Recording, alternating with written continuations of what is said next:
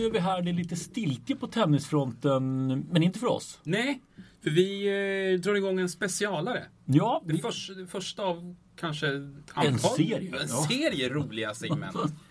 vi snackar listor nu. ja. Eh, Lite av det bästa vi vet. Ja, men faktiskt. Vi, vi har, du är ju faktiskt fenomenal på det. Jag är ju lite sämre på det. Men vi har ju vår årliga ranking. Den kommer ju alltid i början och i slutet. Mm, mm, men nu ska vi ta någonting helt annat Henrik. Och det är du som har valt eh, lista. Ja, eh, först ut i vår listserie så ska vi eh, ranka de 20 bästa nu aktiva spelarna. Och då snackar vi alltså inte spelstyrka i detta nu. Utan vi snackar alltså den sammantagna gärningen under karriären. Man väger in allt de har åstadkommit under sin tenniskarriär. Eh, och listar de 20 bästa spelarna som fortfarande är aktiva just nu. Och anledningen till att vi gör det här nu är ju för att det är ganska många som lägger av ganska snart. Vi har eh, Ferrer som lägger av. Eh, Jusjny. Jusjny lägger av. Eh, Feliciano Lopez slutar. Jill Müller. Gilles Müller slutar. Robredo är på upphällningen. Jürgen Meltzer. Det är, ga- det är ganska många eh, som, som är på väg att, att eh, eh, vika in årorna så att säga. Karriärsmässigt. Eh, så därför ville vi göra det här nu. Och det har vi gjort. Ja. Och det är, eh, du kommer få styra båten. Ja. Jag vill fråga dig först. Har det varit, tycker du att det varit lätt eller svårt? Vi är 20 man som, som, vi, som vi listar här nu. Ja, alltså det är ju lätt till en viss gräns. Sen tar det stopp. Så går det väl att sammanfatta utan att avslöja allt för mycket. Ja. Eh, och, och det, ja, ja, men det, det är svårt och sen blir det intressant att se om hur vi tänker Ja. tennisen. Jag tror att vi har gått tillväga på lite olika sätt här nu. Jag är, ju eh, anal i mitt, sätt att, att, att ta mig an en sån här uppgift.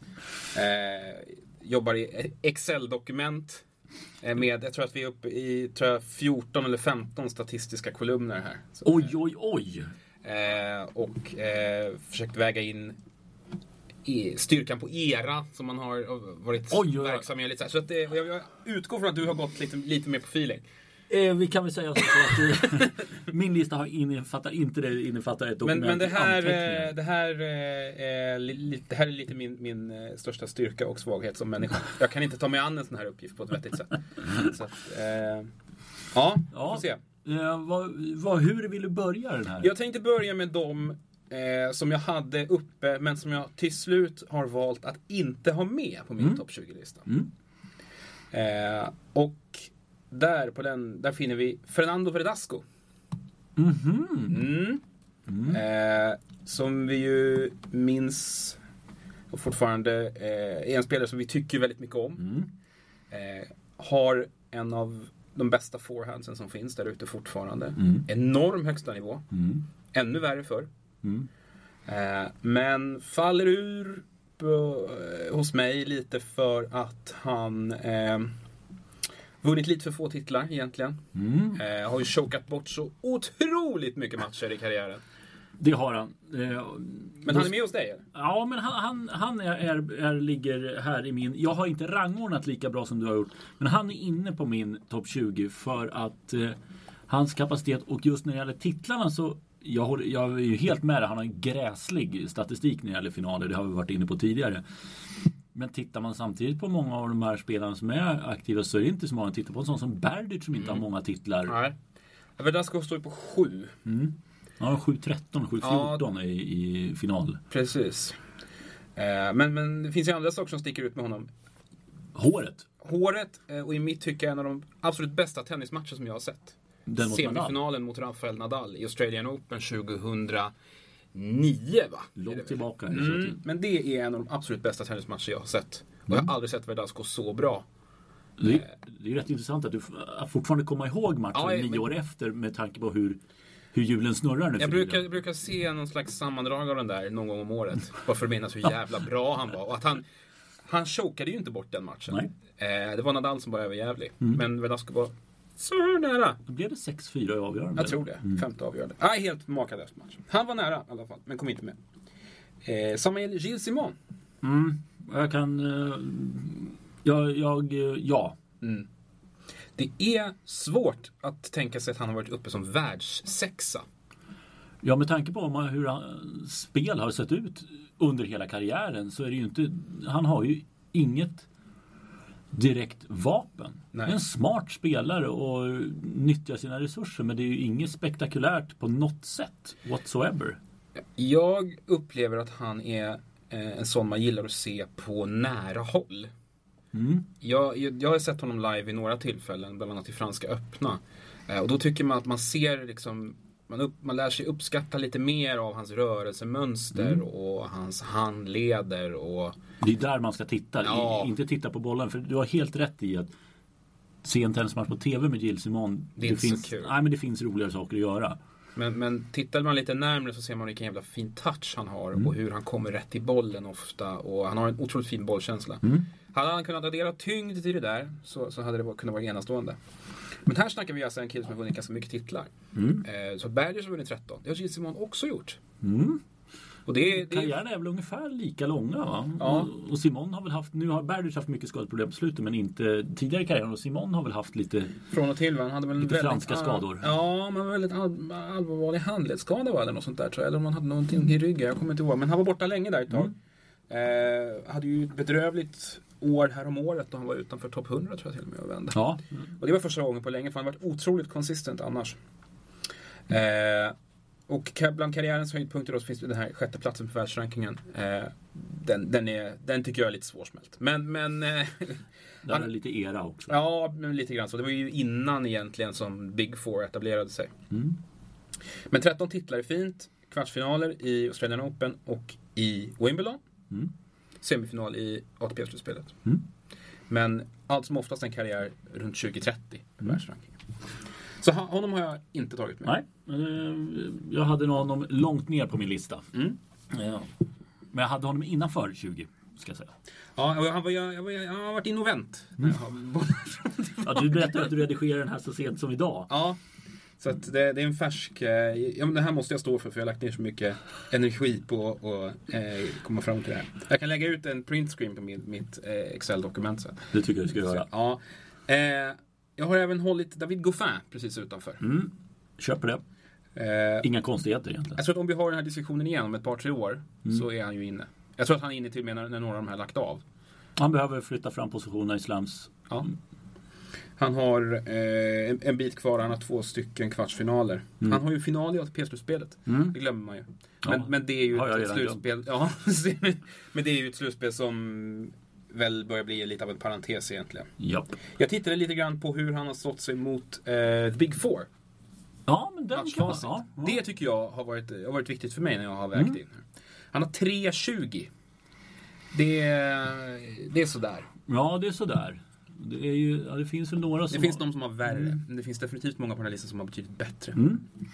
Så Goffin har jag hållit, hållit, ut, hållit utanför topp 20. Och eh, dessutom Kevin Anderson. Missar Mm. precis. Mm. Jag tror faktiskt att jag hade placerat in Anderson. eh, Ja, han var nära kan jag säga. Han är ju otroligt svårbedömd för mig. Ja, det är, det. men där, där är också... Får han hålla sig hel nu, Mm. då kommer han vara garanterad på den här listan Jajamän. ett par år. Vi har ändå två stycken Grand Slam-finaler här. Eh, och en spelare som faktiskt precis har etablerat sig som en av de topp 10 bästa i världen. Han har ju varit ganska medioker i ganska, ganska Ja, många år egentligen. ja men vi, vi har ju varit på en, en maskin som Ja. har gjort det. Men han har ändå lyckats jobba sig upp så jävla långt. Så det, är- det är häftigt. Eh, go on my friend. Ja, nu är vi innanför topp 20 då. Ja! Och på 20 plats, den sista som tog sig in. Eh, Mikhail Jusjny. Mm, han finns med hos mig också. Ja, och här är ju också en ganska lurig avvägning var det för mig i alla fall. För att snackar vi högsta nivå och sammantagen spelstyrka så är han väl kanske inte där. Nej. Av de som vi har hållit, som jag har hållit utanför så är de ju sammantaget bättre när de har varit som bäst än vad Jusjny har varit. Mm. Men det som fällde avgörandet för mig är hans maffiga Grand Slam-facit. Ja, låt höra. För det är väl semifinaler. Ja, det här, och det här berörde vi för några veckor sedan när vi fick reda på att han skulle avsluta karriären.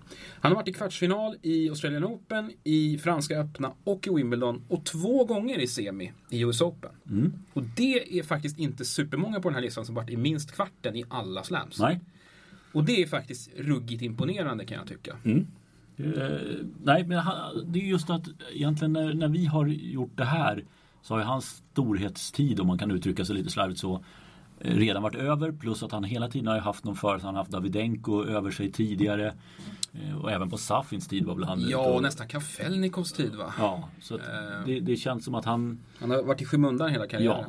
är mest känd för att ja, slå sig i huvudet, eh, blodig.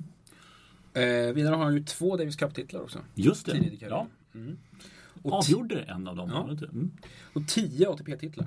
Mm. Vunnit nästan, fem, vann nästan 500 matcher. Så att det är... eh, En faktor som jag också har kikat på är, är eh, segerprocent.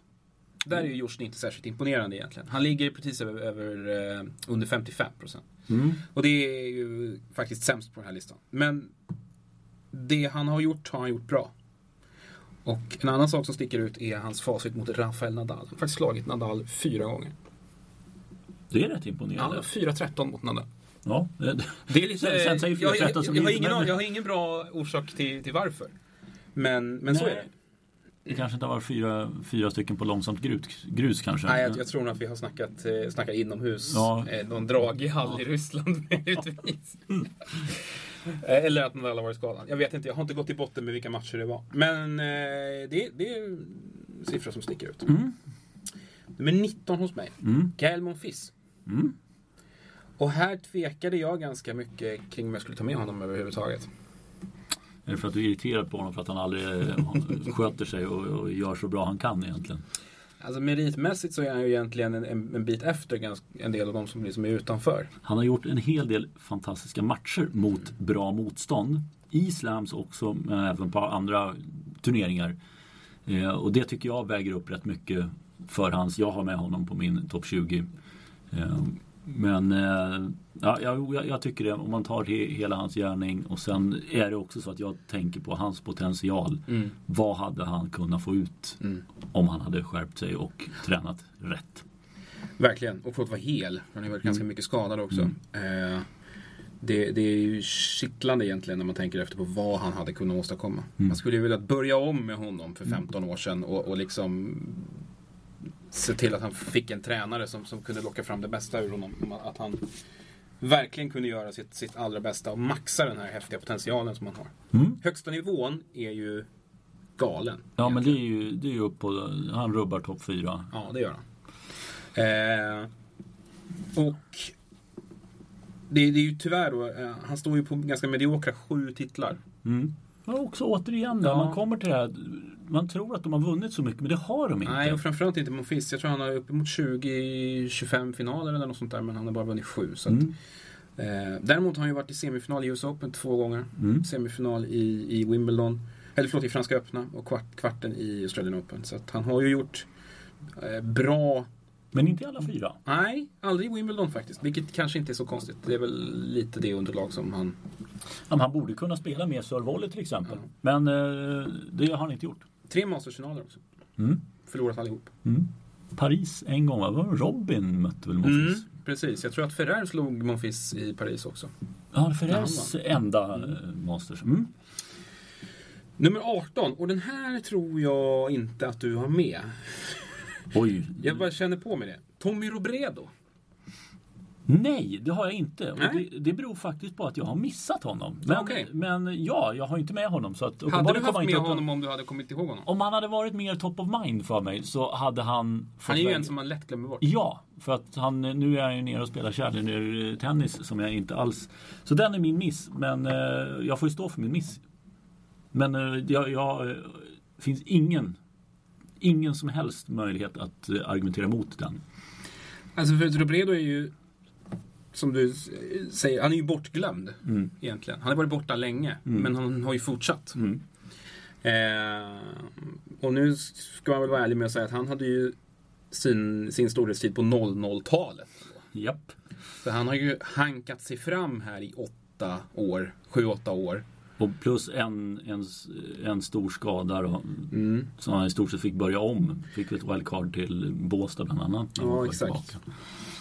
Nådde final det året, varför inte det? Semi tror jag det var. Semi kanske det var, ja. Eh, men det är ändå spel som har hunnit uträtta ganska mycket. En Masters-titel. Mhm. Det hade jag glömt bort faktiskt. Eh, Hamburg, Hamburg. 2006. Det är 12 år sedan alltså. Mm. Och ytterligare 11 titlar på det. Kvartsfinal i tre av fyra slams, varav Franska öppna fem gånger. Det är ett bra facit. Eh, tre Davis Cup-titlar. Så att eh, en, eh, en slitvarg i ordets rätta bemärkelse. Verkligen, verkligen. Och var ju ändå topp 10 ganska länge. Ja, Men som sagt bortglömd. ja. Eh, Rätt och riktigt. Eh, 17 platsen då. 17 platsen och här tror jag att du kommer att argumentera mot mig. Alexander Zverev. Ha med honom. Du har det? Ja. Jag trodde aldrig du skulle ha med honom. Jo då, det är inga konstigheter alls tycker jag. Eh, För att eh, ja, han har inte hunnit uträtta så mycket. Nej. Men med tanke på hur ung han är och hur mycket han har uträttat på de få åren som han faktiskt, eller få åren, men de åren som han har varit på cirkusen så har han presterat väl i nivå med många av de bästa spelarna pratar vi då. När, när det kommer till jämförelsevis åldersmässigt. Så att nej, det är en självklarhet för mig att han ska vara med. Han är ju egentligen den enda unga som, som konsekvent har kunnat spela jämnt och slå topp 4. Mm. Han har ju vunnit sitt enda möte mot Novak Djokovic. Han har 2-3 mot Roger Federer. Mm. Det är... Ja, det, det, det är lätt att bli imponerad. Sen har han spelat, gjort bra matcher mot, mot Rafael Nadal också ska sägas. Mm. Så att... eh, Och tre Masters-titlar sticker. Redan, ja. Ja, det är ju den här... eh, eh, Slamfrossan. Ja. Det är ju den som, som, som man eh, har lite synpunkter på egentligen. Men det, nej, men det, det är ju, nej, men det, det, jag tycker det är inga som helst konstigheter. Det är helt rätt. Han ska vara med. Eh, och här är ju, det känns ju som av de 90-talister som, som är med, borde han ju, om, om man bara fortsätter att få ordning på sin slamfrossa, komma upp och lägga sig nästan bakom topp 4 Ja. om det vill sig. Han har slams i sig. Oh ja. Eh, så det blir nummer 17 det. Eh, skönt att vi är on the same page. Ändå. Eh, precis över honom har jag satt John Isner. Mm. Ja, med honom också. Ja.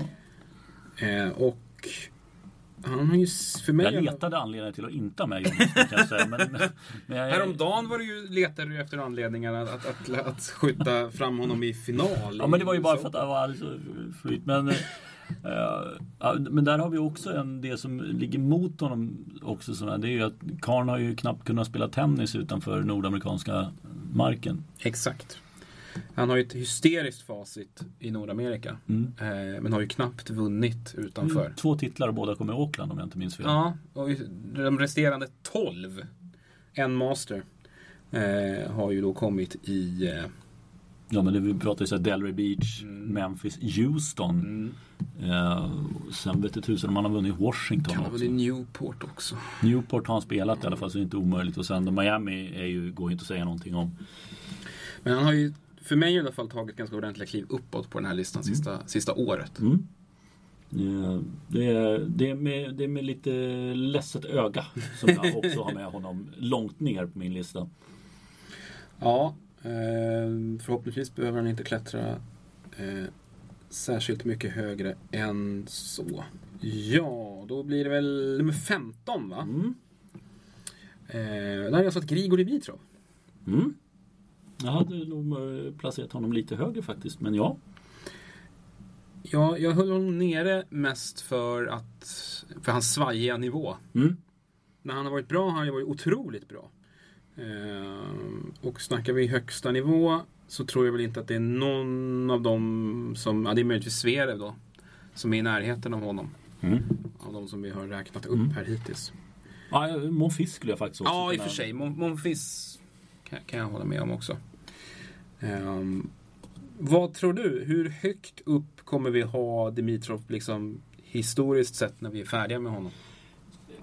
Jag har börjat bli mer tveksam till att han faktiskt kommer att gå hela vägen i en slam till exempel, vilket jag har trott tidigare. Eh, jag tror att han kommer, vara, kommer kunna vara en sån som ja, men en, en topp 10-spelare men inte någon som kanske får sätta pricken över i i en slam. Det, det är ungefär så min analys är av honom nu, just på grund av den här svajigheten. Att, jag tror han behöver bygga upp och, och bygga upp för att vara bra i en slam och som det har sett ut nu det senaste året egentligen så har han ju inte varit det. Nej, Jag, jag är nyfiken på hur han kommer att se ut nästa år. För att han har ju haft bra år och så har han följt upp det med att spela jävligt dåligt. Mm. I ett, ett år i Mm. stort sett. Och det var likadant förra gången han var bra. Eh, Hans fjolår var ju fantastiskt Mm. egentligen. Matchen mot Nadal i Australian Open. Absolut. Eh, första Masters-titeln där var Mm. det väl i Toronto? Var det var det Toronto? Cincinnati? Någon av dem var det han vann i alla fall. Mm. Eh, och sen att han vann ATP-slutspelet. Mm. Eh, ganska överlägset egentligen, i stort sett ohotad. Mm. Så att det var, han hade ett fantastiskt 2017, haft ett ganska bedrövligt 2018. Ehm, semifinaler har han ju som sagt i Australian Open och i Wimbledon. Världstrea. Mm. Det finns mycket som talar för honom. Mm. Men det är ju just det här att han ska... Han, har, han bottnar ur ganska ordentligt Mm. emellanåt.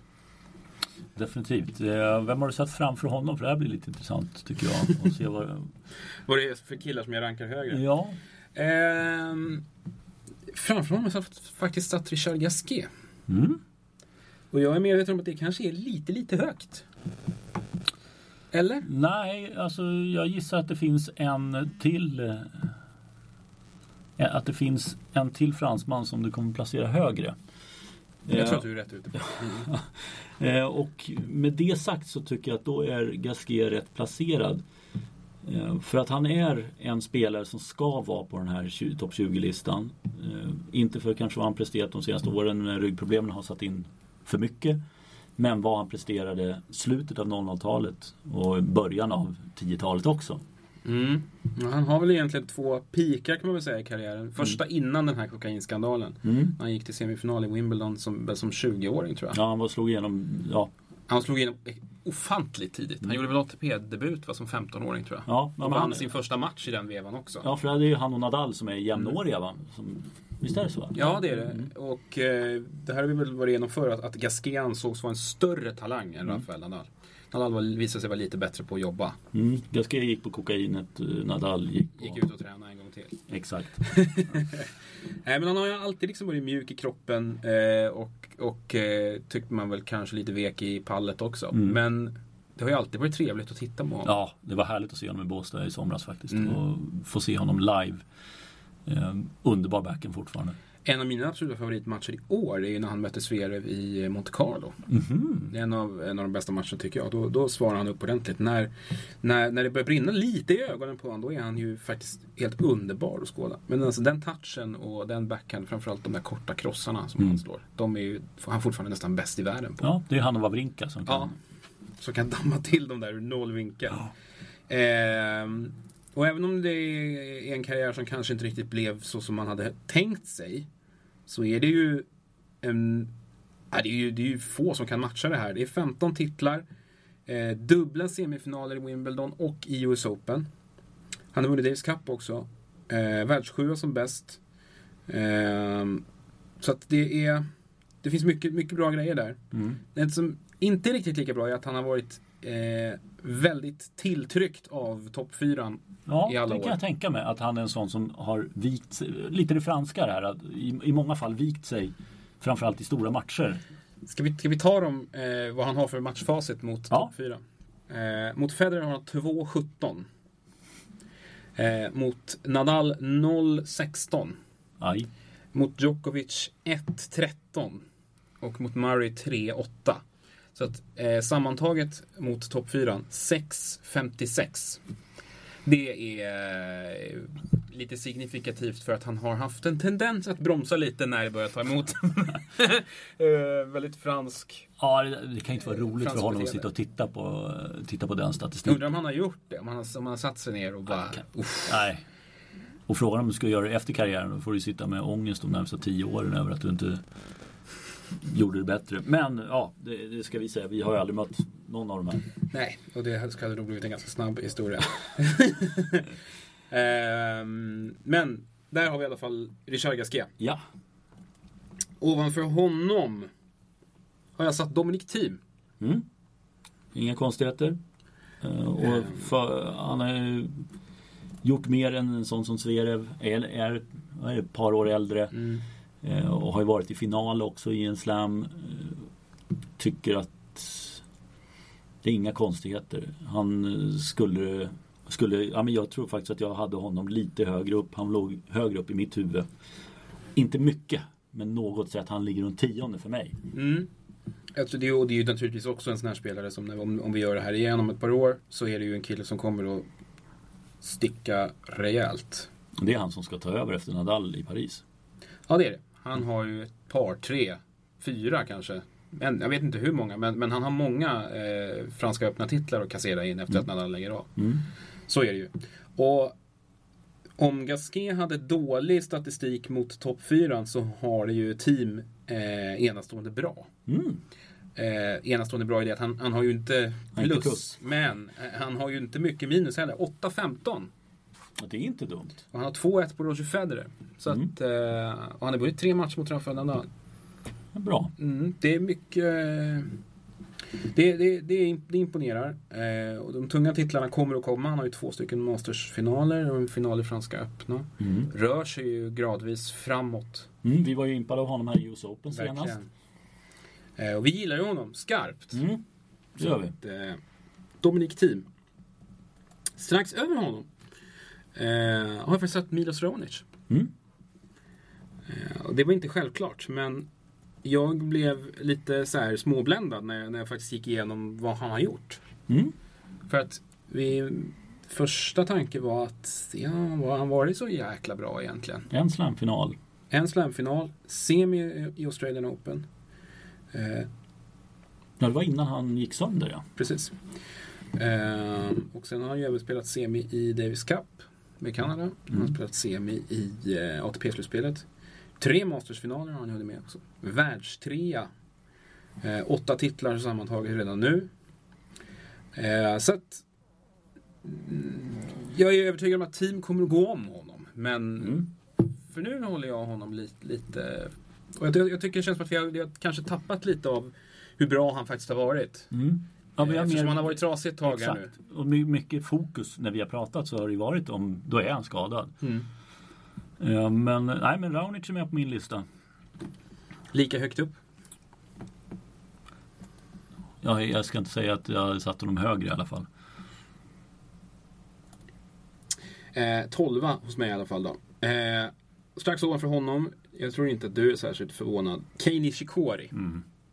Och det känns som att det är precis där han hör hemma. Mm. Precis utanför topp 10. Står ju fortfarande utan Grand Slam-titel. Eh, men har ju spelat extremt bra emellanåt. Jag har ju min eh, återkommande kritik gentemot honom är att han, har, han är dålig på att följa upp bra insatser. Mm. Gör han en bra match då lägger han sig ofta platt sen. Hur har han, för han kan jag få lite tendens till just det här mot topp eh, top 4, att han inte alltid har haft det så lätt med dem heller.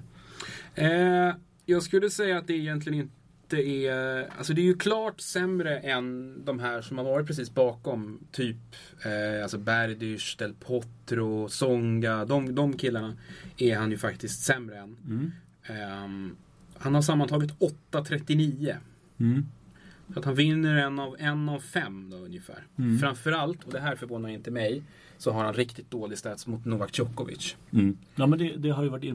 Djokovic är en, är en bättre Nishikori. Ja. På alla sätt. Ja, och han har vunnit 13 av 15 matcher mot, Mm. Nishikori. Och det är fullt rimligt. Mm. Det är logiskt. Eh, bäst stats har han mot Federer, där har han 2-5. Mm. Så att det, det är väl egentligen inte så konstigt. Ehm, och jag tror, ja, jag vet inte, har han, tror vi att han har en slam i sig? Nej, jag tror inte han har det faktiskt. Eh, det, det är ju att det ska vara som i- fjol nästan, att det öppnar upp sig en halva Mm. US Open, att, att bara rusa fram där och sen får du någon spelare som är ungefär mindre rutinerad i en final. Men så länge han möter en mer rutinerad spelare i en slamfinal så tror jag att han har svårt att, att knyta till. Jag håller med dig faktiskt. Eh, jag tror att han har en master i sig, eller två. Mm. Ja, hoppas för Mm. hans skull. Det tycker jag han ska ha. Men slams vet jag inte. Eh, han har, saknar lite jävlar anamma där. Mm. Men det är ju en fantastisk spelare. Mm. Naturligtvis. På alla tänkbara sätt. Var är vi då? 11? Ja, 10 är vi på. 10 till och med. Topp 10. Eh, som eh, trackslistan. Efter nyheterna så kom topp 10. Ja. Skönt med Kai Kindvall-referenser. Nytt och fräscht. Ouch. Ja, eh, ja, det hade lika gärna kunnat komma från mig. Eh, Topp 10. Där börjar vi med Marin Cilic. Mm. Inga konstigheter. Och då har vi ändå ett gäng här som jag har satt före honom som inte har vunnit en, en slamtitel. Ja, och han har en Masters. Så det är inga konstigheter att han är topp 10. Möjligen, det beror på lite hur du har placerat. Jag, jag skulle säga att han ligger ju bakom bakom de bästa. Mm. Men eh, ja, nej, men det, det blir intressant att se vad du placerar framför. Det är lite så faktiskt som jag känner i det här läget. Ja, precis. Alltså för att I det här fallet så har jag faktiskt tänkt ganska mycket på, på era. Mm. Och hade Silic resultat kommit tre, fyra år tidigare så tror jag nog att jag hade lyft upp honom ganska ordentligt. Men nu har han ju ändå blommat igenom när andra har fallit ifrån. Mm. Framförallt när det här skiktet bakom toppfyran har tunnats ut så har ju Silic klivit fram. Mm. Och, det, och, och gjort det ordentligt. Som du sa, Masters-titel, US Open-titel och totalt 18 ATP-titlar. Det är starkt. Det är Det hade jag faktiskt inte. Jag hade satt honom starkt. lägre på det. Ja, jag trodde inte heller att det var så många. Men eh, 18 inalles i alla fall. Det är fan i mig inte dumt. Eh, och han har ju ändå varit i final i Australian Open också. Och i Wimbledon. Mm. Så att han, har, han har ett riktigt mäktigt facit. Eh, världstrea också. Men eh, var ju en, absolut inte en marginalspelare, men, men liksom en, en uppenbart sämre spelare än, Mm. än såna här som Del Potro och Songa och även Ferrer i, i ganska många år. Mm. Så det är därför som jag har petat ner honom lite. Mm. För meritmässigt så är han ju bättre. Ja. Eh, på nionde plats då, Thomas Berdych. Ja. Det är inte jättelätt att välja i det här mittenskiktet för mig. Men, men eh, vi kan, jag kan egentligen säga direkt att, att jag svårast för mig var nog att välja vem jag skulle sätta överst av, Tsonga och Berdych. Nu Mm. blev det Tsonga 8, Berdych 9. Mm. Ja, och båda har en slamfinal. Songa har vunnit Masters, det har inte Berdych gjort. Och Berdych har vunnit en master. Han Han vann- ju i Madrid. Ja, på, ja, ja, ja. 2005. Stämmer. Ja, Jag tror På det var samma år som, tiden. han, som Nadal blev förbannad på honom. ja, När han tystade publiken. just det. Very, very bad. Very bad. eh, så att Tsonga har faktiskt två masters. Ja, det var en i Kanada. Mm. Och då ska vi se om vi kan placera in den andra. Har han vunnit borta i Shanghai skulle han kunna ha vunnit. Paris. Han har vunnit på hemmaplan alltså. 2008. Tio år sedan. Ja, Och Paris-titeln är väl kanske inte den tyngsta. nej. Men samman, sammantaget tycker jag att Song, det som avgjorde för mig Mm. var att Songa har hållit en högre nivå än Berdych när han har varit riktigt bra. Mm. Och då säger vi ändå Berdych har väl uppe, också varit uppe på en är det, topp är det topp tre eller har vi fyra? Fakt, faktiskt är det så att Berdych har en hög, högre högsta ranking än vad Mm. Songa haft. Songa pickar på nummer fem, Berdych på nummer fyra. Mm. Berdych har vunnit mer matcher och spelat in mer pengar. Men jag tycker att Songa har lite oftare kunnat utmana Ja, men Songa har en edge. Nadal. Ja. Och det är det man har saknat ibland Mm. i Berdych. Eh, Lite mod och lite mer vilja. Songa har alltid velat. Eh, och kunnat. Och, och liksom velat göra det lilla extra hela tiden. Han har väl kanske snarare begränsats av sin kropp. Och sin vilja att underhålla. Eh, som kanske har stått i vägen för, för det taktiska ibland. Men han, han kommer dit av sin högsta nivå. Plus att han, de här båda har ju, Tsonga har lite bättre stats också gentemot de allra bästa. Han har 1849. Mm. Ja, men det, det, där har du en, en grej som verkligen är på plussidan. För Songa, Han har, han, har, han har känts som ett mer konsekvent hot mot dem verkligen. än vad Berdych har gjort. Eh, och sen har Berdych torskat mycket finaler. Songa har ju, har ju samlat på sig en hel, hel radda mindre titlar här nu. Sista åren. Mm. Eh, men eh, ja, nej, för, för mig, för mig så, så har han lite mer edge än vad Berdych har haft. Och, och det, det avgör. Så Ja. han, han är åtta. Ja, men det är rätt. Nu, nu borde ju sjuan vara ganska given då, säger jag. Och då är det David Ferrer. Stämmer bra. Och jag vet inte vad du säger, men, men snackar vi enbart högsta nivå så är han ju inte där varken Songa eller Berdych är egentligen. Eller Zverev. Nej. Nej, det är han inte. Nej. Men han är ju Mr Consistency. Ja, det, under många, många, många, många, många, många, många, många år så var han ju det. Ehm, och det... Nej, men han... Det är ju en sån kille som man har gillat genom alla år också och önskat att han skulle få vinna något stort. Han, har fått, han fick sin Masters och det satt ju långt inne. Han fick spela slamfinal mot eh, Nadal. Eh, och det, det var ju Fast det, det, det, måste kännas rätt uppgivet att kliva in i den slamfinalen och veta att här kommer jag åka på ett dyngspö. Mm. Ja, det visste ju alla. Ja. Eh, inklusive Ferrer själv. Eh, och det är ju en kille man verkligen hade unnat en Grand Slam-titel. Mm. Ja, det, det, är en, det finns inte så många som jag unnar än. Men just med hans inställning till sitt tennisspel genom hela karriären så är det en sån som jag verkligen hade unnat att få vinna en slam. Ja, för det är, det är ju verkligen en kille som har Han har ju kämpat sig till allt, allt han har. Talangmässigt finns det ju alla som gör rada upp egentligen. Mm. Utom möjligtvis Robredo. Mm. Är bättre spelare i grunden än vad Ferrer är. Mm. Alla är större också. Till och med Nishikori. Mm. Eh, så att han har verkligen haft oddsen emot sig. Men han har vunnit så otroligt mycket Eh, allt, ja, han har vunnit allt egentligen utom en slam. Mm.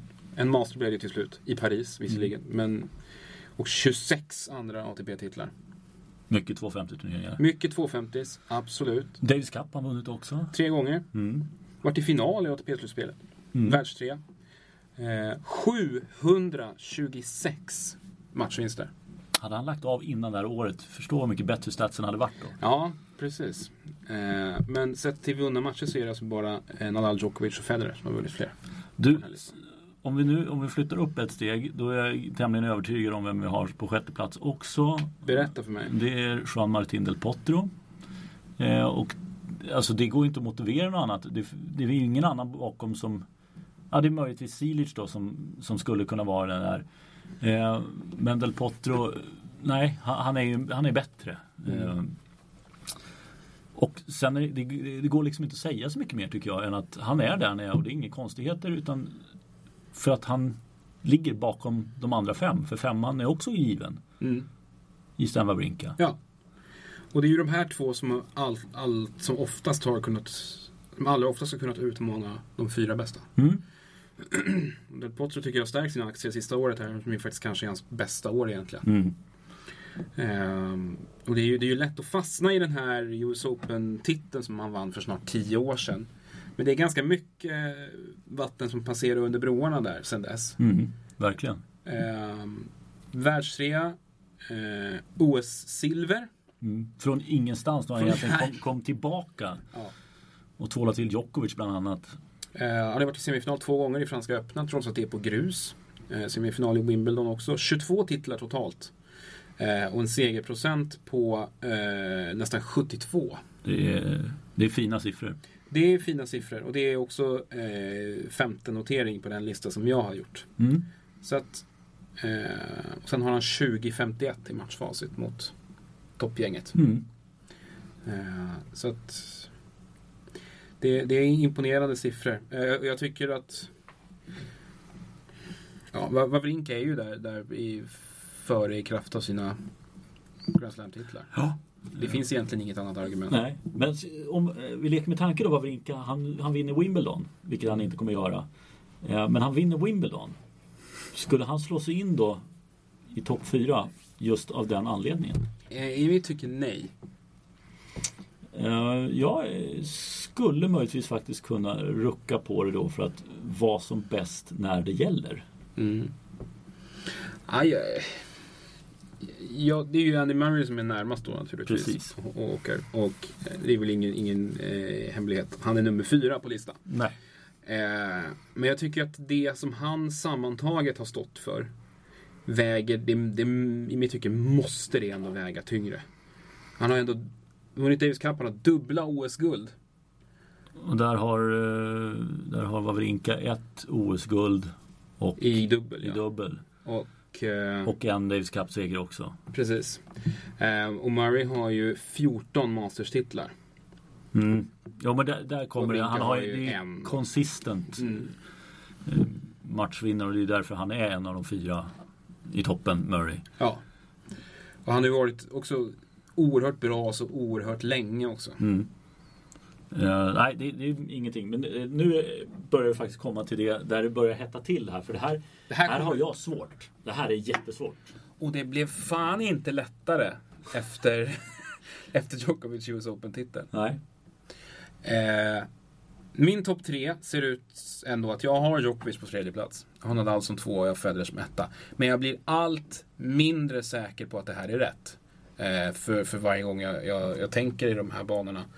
Eh, jag är övertygad om att Djokovic kommer att, att gå som etta. Han kommer att, att, att stå som världens bästa genom tiderna. Till slut. Mm. Det tror jag. I, han, han, har, han, är, han är tillbaka nu. Han har visat att, att, att han kan göra den där sista pushen nu. Mm. Det finns inte tillräckligt många som kommer att utmana underifrån. De är inte framme än. Han har några år på sig. Och jag tycker egentligen inte att han ska behöva vinna sex titlar till, som ju är, som ju krävs för, för att nå Federer, Precis, 14 och 20. för att klassas som bäst någonsin.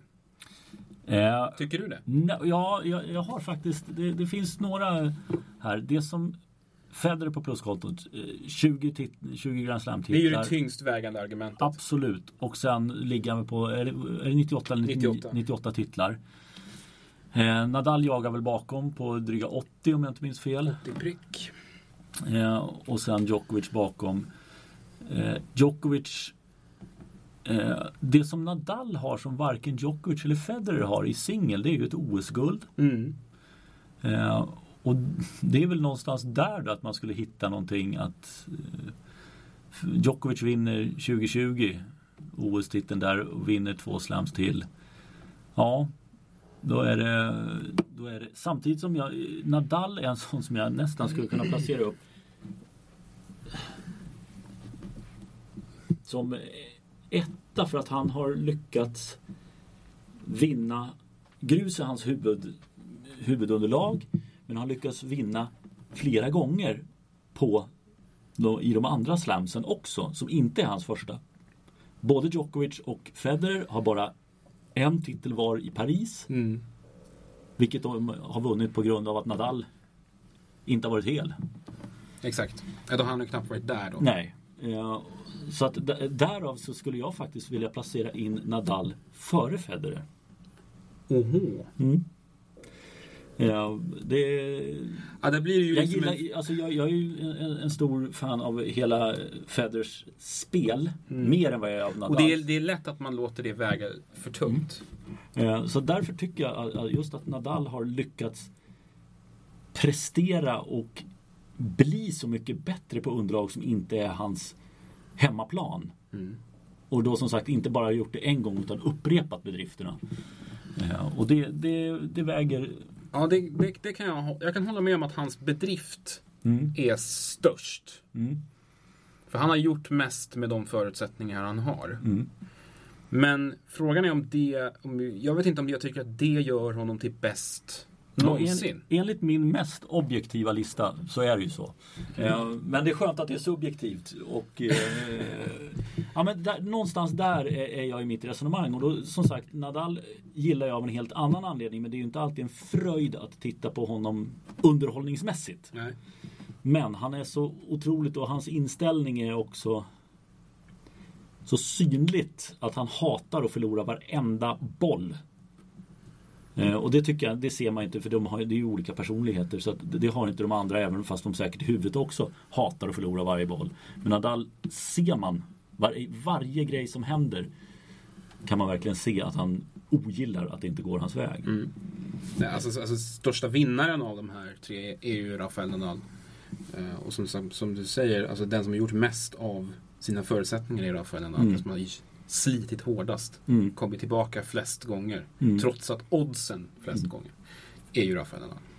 Det är, den som säger något annat, den ljuger. Just det. Eh, meritmässigt så är det ju faktiskt så att det är Roger Federer som har vunnit mest. Mm. Eh, vunnit flest matcher, flest Grand Slam-titlar, flest titlar totalt. Eh, och det, det får någonstans fälla avgörandet för mig, även om det är med Alltså det är en sån kantboll så att det, det finns inte. Ja, men, Och, jag, och, och, alltså, argumenten för Djokovic liksom staplas. De blir allt högre och de, de, de blir liksom eh, De blir allt fler. Och fram, det, framförallt så han har ju plusstatistik på både Federer och Nadal nu mm. i det här laget. Han har spelat in mer pengar än vad Federer har gjort. Eh, och han har vunnit, både han och Nadal har egentligen vunnit procentuellt sett fler matcher än, än vad Federer har gjort. Så att ja, eh, min, min konklusion är att Federer fortfarande störst genom tiderna med den lilla, lilla, lilla, lilla marginalen. Eh, Djokovic kommer att passera. Nadal kanske också ja, men det beror på Nadal hur hans kropp håller här nu. För det, det är väl det som är... Nu känns det ju som att vi har en sån här Nadal-höst igen, Mm. där han knappt kommer att spela. Ja, vilket faktiskt leder oss om vi tar oss vidare från den här formidabla listan som du har författat. Jag har haft mina eh, synpunkter på både det ena. Väldigt lika. Det, det är väldigt svårt att bortse från några spelare. Jag hade faktiskt skrivit upp Nick Kyrgios också långt ner. Eh, men det, det är lite också jag gillar honom och vet potentialen men, men han har inte presterat tillräckligt bra. Därför kommer han inte in heller. Sen hade jag så här, egentligen för lång och trogen tjänst som egentligen hade Ivo Karlovic. Bara för att jag älskar Ivo Karlovic. Jag hade Almagro hade jag och, stötte och blötte Mm. lite. Ehm, har ju vunnit extremt mycket matcher och, och Mm. ganska många titlar också för den delen. Mm. Men det, det räckte inte riktigt för Nej. mig till slut. Ernest Gulbis var med för hans toppar, eller var under strecket för mig. Mm. Eh, Toppar väldigt bra, Mm. men har gjort alldeles för många djupdykningar. Aldrig klarat av att hålla det någon längre period. Ja, det fin- finns ju flera som, som, man kan, som man kan resonera om på det viset. Fabio Fognini är ju också en Mm. sån som, som kan ligga och skvalpa precis utanför. Mm. Han har ju aldrig varit topp 10. Nej. Har ju varit alldeles för vek i slams. Mm. Eh, Det är ju hans grej. Man har ju vunnit mycket titlar vid det här laget. Mm. Slagit Nadal ganska många gånger också. Mm. På grus. Mm. Så att, eh, och den, den högsta nivån som han har är ju löjlig. Mm. Eh, Så att nej men det, det finns några där. Men, men just det här det, det är Det blir ganska givet. Men intressant resonemang just kring första platsen. Och eh, det var ju inte det. Vi skulle ju avsluta där och så skulle vi glida över från Nadal Ja. till Nadal. Mm. Som sagt, han har dragit sig ur eh, första stoppet på Asiensvängen. Båda stoppen till och med. Båda stoppen till och med. Både Tokyo, eller Beijing och Shanghai Ja, då så. har han dragit sig ifrån. Och det tyder ju på att det är någonting ordentligt med honom för att vi brukar vi har ju varit inne på det tidigare, vi trodde att han skulle göra det men just Asien brukar vara en sån sväng där han faktiskt tar sig dit för att gör ett försök. mm, finns lite reklampengar att hämta och appearance money säkerligen. Och med det klart så känns det som att det... Jag tror inte vi får se honom mycket mer i år. Nej, jag har fortfarande den känslan också att det här är tveksamt om vi har några fler Nadal-matcher att se fram emot här under hösten. Eh, vi hade någon mer liten minigrej. Ja, Mohamed Lajani har fått sitt straff efter eh, övertrampet i US Open där han coachade Nick Kyrgios, peppade lite. Eh, Det blev två, veck- två turneringars avstängning Ja, utan lön. ja. Ja, ja. Ja, jag, jag, jag, ja, Det är lite hårt tycker jag, men jag vet inte. Jag vet inte heller. Det, det, Det är svårt. Man har aldrig, aldrig, aldrig ställts inför en sån situation förut. Nej, och jag, det, jag tycker det är en jättemärklig, och det är märklig bestraffning också måste jag säga. Eh, Det så här, två turneringar utan lön. Och framförallt om man i motiveringen också konstaterar att han ville ju bara väl. Han Ja. menar inget illa med det här. Eh, intentionerna var goda. Så ja, men låt det vara så då. Mm, han plockades ju bort från de stora banorna direkt efteråt. Så ja. Ja, men, och, kanske och, kan stanna vid det då. ja, och det känns väl som att han borde vara hyfsat väl medveten om vad han gjorde för fel. Mm. Och sen så dra ett streck där. Men nej, jag, jag vet inte tusan. Det, där, det kändes som en rätt lite överdriven markering.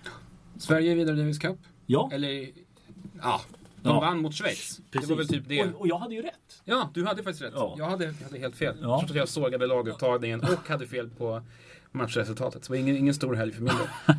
Nej men det, det var ju roligt att se. Som sagt vi vet fortfarande inte riktigt. Ja nu blev man sidad och, och slipper de värsta nationerna i playoffet.